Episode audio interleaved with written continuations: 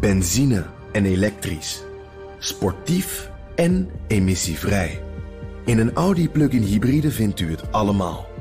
Ervaar de A6, Q5, Q7 en Q8 standaard met quattro vierwielaandrijving. Wat u ook zoekt, u vindt het in een Audi. Audi.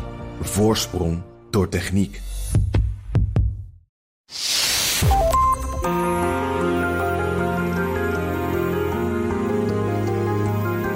Je luistert naar De Stratege, een podcast van BNR in samenwerking met het Den Haag Centrum voor Strategische Studies. Mijn naam is Paul van Liemt. De steun voor Oekraïne blijft er zolang die nodig is en tegelijkertijd investeren westerse landen meer in defensie. Dat besprak ik vorige week met minister van Defensie Kajsa Ollongren. Welke kant ziet u de oorlog opgaan? Schaart u zich altijd de mensen die zeggen dit wordt een frozen conflict en dat kan dus zeker tien jaar of langer duren?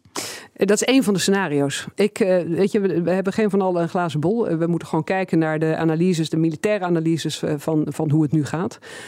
dit is natuurlijk niet waar de Oekraïners van uitgaan. Dat is ook geen voorkeursscenario vanuit hun perspectief. en en we, we, verwachten ook allemaal dat Oekraïne, hè, ze hebben natuurlijk gevraagd om tanks, om meer munitie, dat ze dat ook zullen gaan inzetten in een soort contra-offensief op de een of andere manier.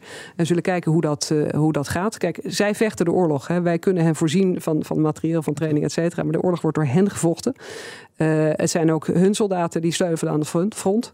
Uh, en uh, ik, dus vanuit hun perspectief, ja, hoe eerder het afgelopen is, hoe beter. Maar wij moeten wel serieus rekening houden met de optie dat het nog jaren kan duren. Ja, wij kunnen natuurlijk nog wel iets doen, zoals enkele Oost-Europese landen ook doen, die gevechtstoestellen leveren. Ziet u dat als een mogelijkheid dat wij zoiets op termijn ook doen met onze F-16's? Nou, wat relevant is, denk ik, de Polen en de Slowaken hebben besloten om hun oude Russische toestellen te leveren. Zij zelf maken de transitie naar, naar westerse vliegtuigen. die, de Oekraïners kunnen die meteen inzetten, hè, want daar vliegen ze al mee. Dus ze hebben al piloten en technici die daarmee om kunnen gaan. Dus dat kan meteen betekenis hebben in het gevecht van vandaag en morgen. Uh, als uh, Oekraïne straks, hè, ook na de oorlog, moeten ze sowieso kunnen ze niet meer afhankelijk zijn van Russische spullen. Dus moeten ze Europese en Amerikaanse spullen gaan, gaan kopen. dus die transitie die gaat er komen. Maar, maar voor de oorlog nu uh, kunnen de MIGs wel betekenis hebben. En andere gevechtsvliegtuigen, daar zit natuurlijk een veel langere tijdsplanning ja, dus aan vast. Op korte termijn uh, dat wij met onze F-16 iets gaan doen, dat kan niet. Op korte termijn niet, nee. Keizer Olongren is opnieuw mijn gast om te gaan luisteraarsvragen beantwoorden. Ja, mevrouw Olongren, de eerste vraag komt van Marcus, uh, Marcus Haneveld. Die zegt, wat is het plan als Oekraïne uiteindelijk verliest, CQ niet meer in staat is om langer te blijven strijden, omdat te veel militairen het niet meer aankunnen? Oekraïnse militairen, ja, dat is een goede vraag natuurlijk. Hè? Uh, nou, eigenlijk zou ik zeggen, het Oekraïense plan is natuurlijk om kost wat het kost die situatie te voorkomen. Uh, en daarvoor zijn ze afhankelijk van ons, van de landen die, uh, die Oekraïne steunen. En dat betekent dat wij voldoende steun moeten geven. dat doen we. We schalen echt op. Hè. Je ziet de trainingen bijvoorbeeld, tienduizenden Oekraïnse militairen die worden getraind in Polen, Duitsland, het VK. we zien het aan de munitie. We hebben nu toegezegd 1 miljoen binnen tussen nu en een jaar. Uh, dat, zijn, dat zijn forse aantallen. Uh, en dat betekent dat Oekraïne het kan volhouden. Uh, toen ik er op bezoek was, zag ik ook hoe ongelooflijk gemotiveerd ze zijn. Ik was op bezoek bijvoorbeeld bij een militaire academie, 18-jarige jongens ongelooflijk sterk, krachtig, uh, zeg maar mentaal. Ze zijn echt vastbesloten om dit scenario niet te laten gebeuren. Maar ik heb dat beeld krijgen we inderdaad heel erg van buiten ook naar binnen. Ook als je niet bent geweest, dat dat de situatie is. Die, die ja. mentale kracht die, die springt er inderdaad uit. Maar dan nog, als je toch in scenario's denkt, wat u natuurlijk voortdurend doet, dan kun je ook in het scenario denken dat het niet gaat lukken. Dat Oekraïne, Oekraïne uiteindelijk verliest. En wat dan? Nee, je moet in alle scenario's denken. Maar we moeten onze prioriteit nu leggen bij die scenario's waarin Oekraïne dit wel kan volhouden.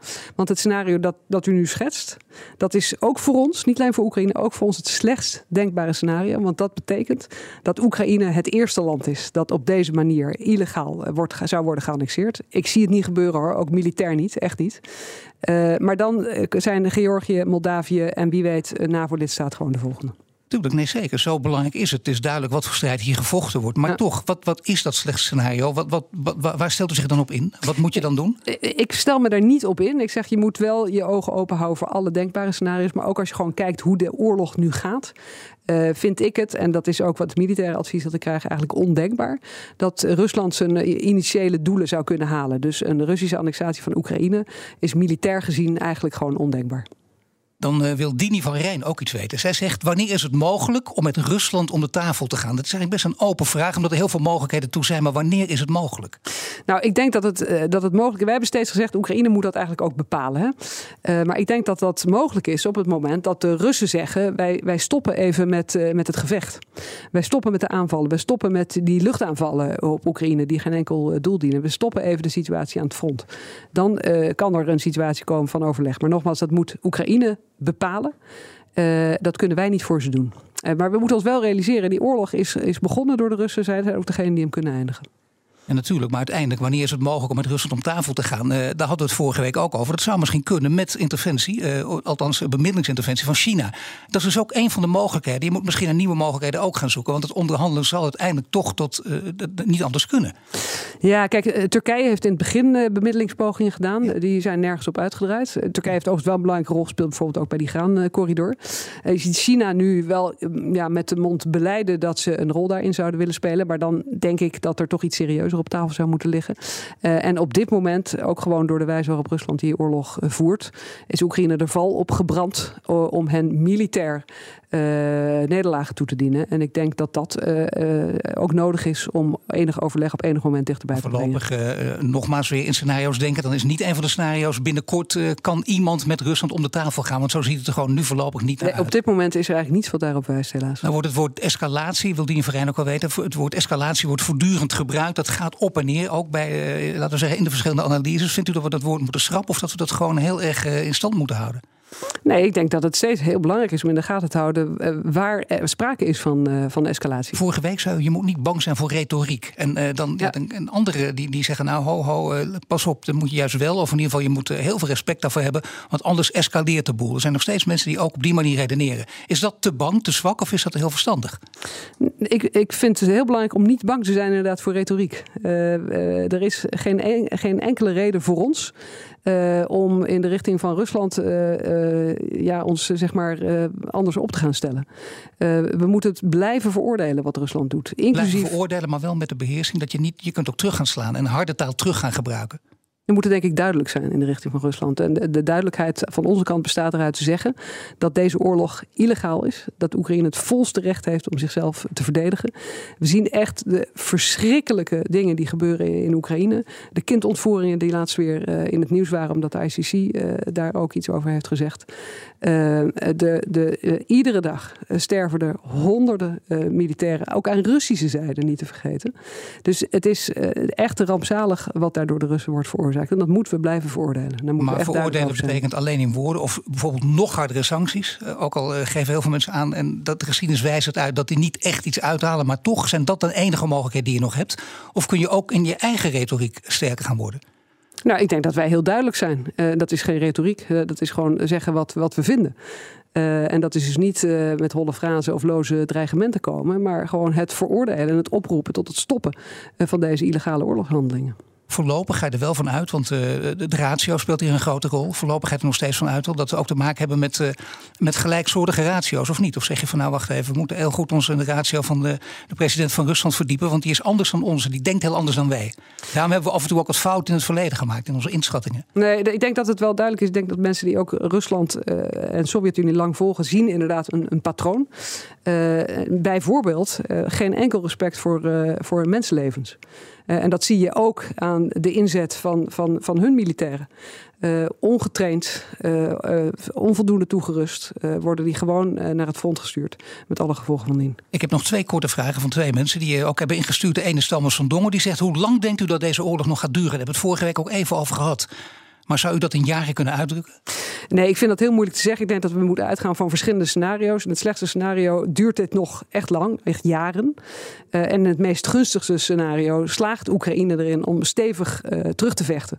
Uh, terrein terug te veroveren.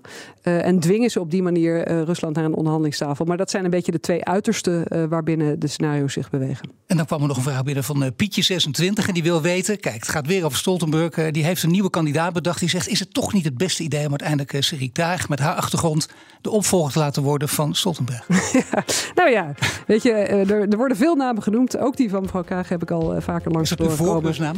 Ik, ik ga er helemaal geen enkele uitspraak over doen. Nee, dat dacht ik al. Ik dank u wel, minister van Defensie Kajsa Ollongren. En wil je de stratege vaker luisteren? Abonneer je meteen in je favoriete podcast-app. En tot de volgende keer.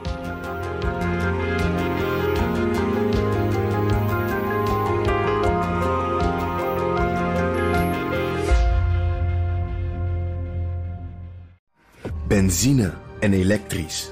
Sportief en emissievrij. In een Audi plug-in hybride vindt u het allemaal. Ervaar de A6, Q5, Q7 en Q8 standaard met quattro vierwielaandrijving. Wat u ook zoekt, u vindt het in een Audi.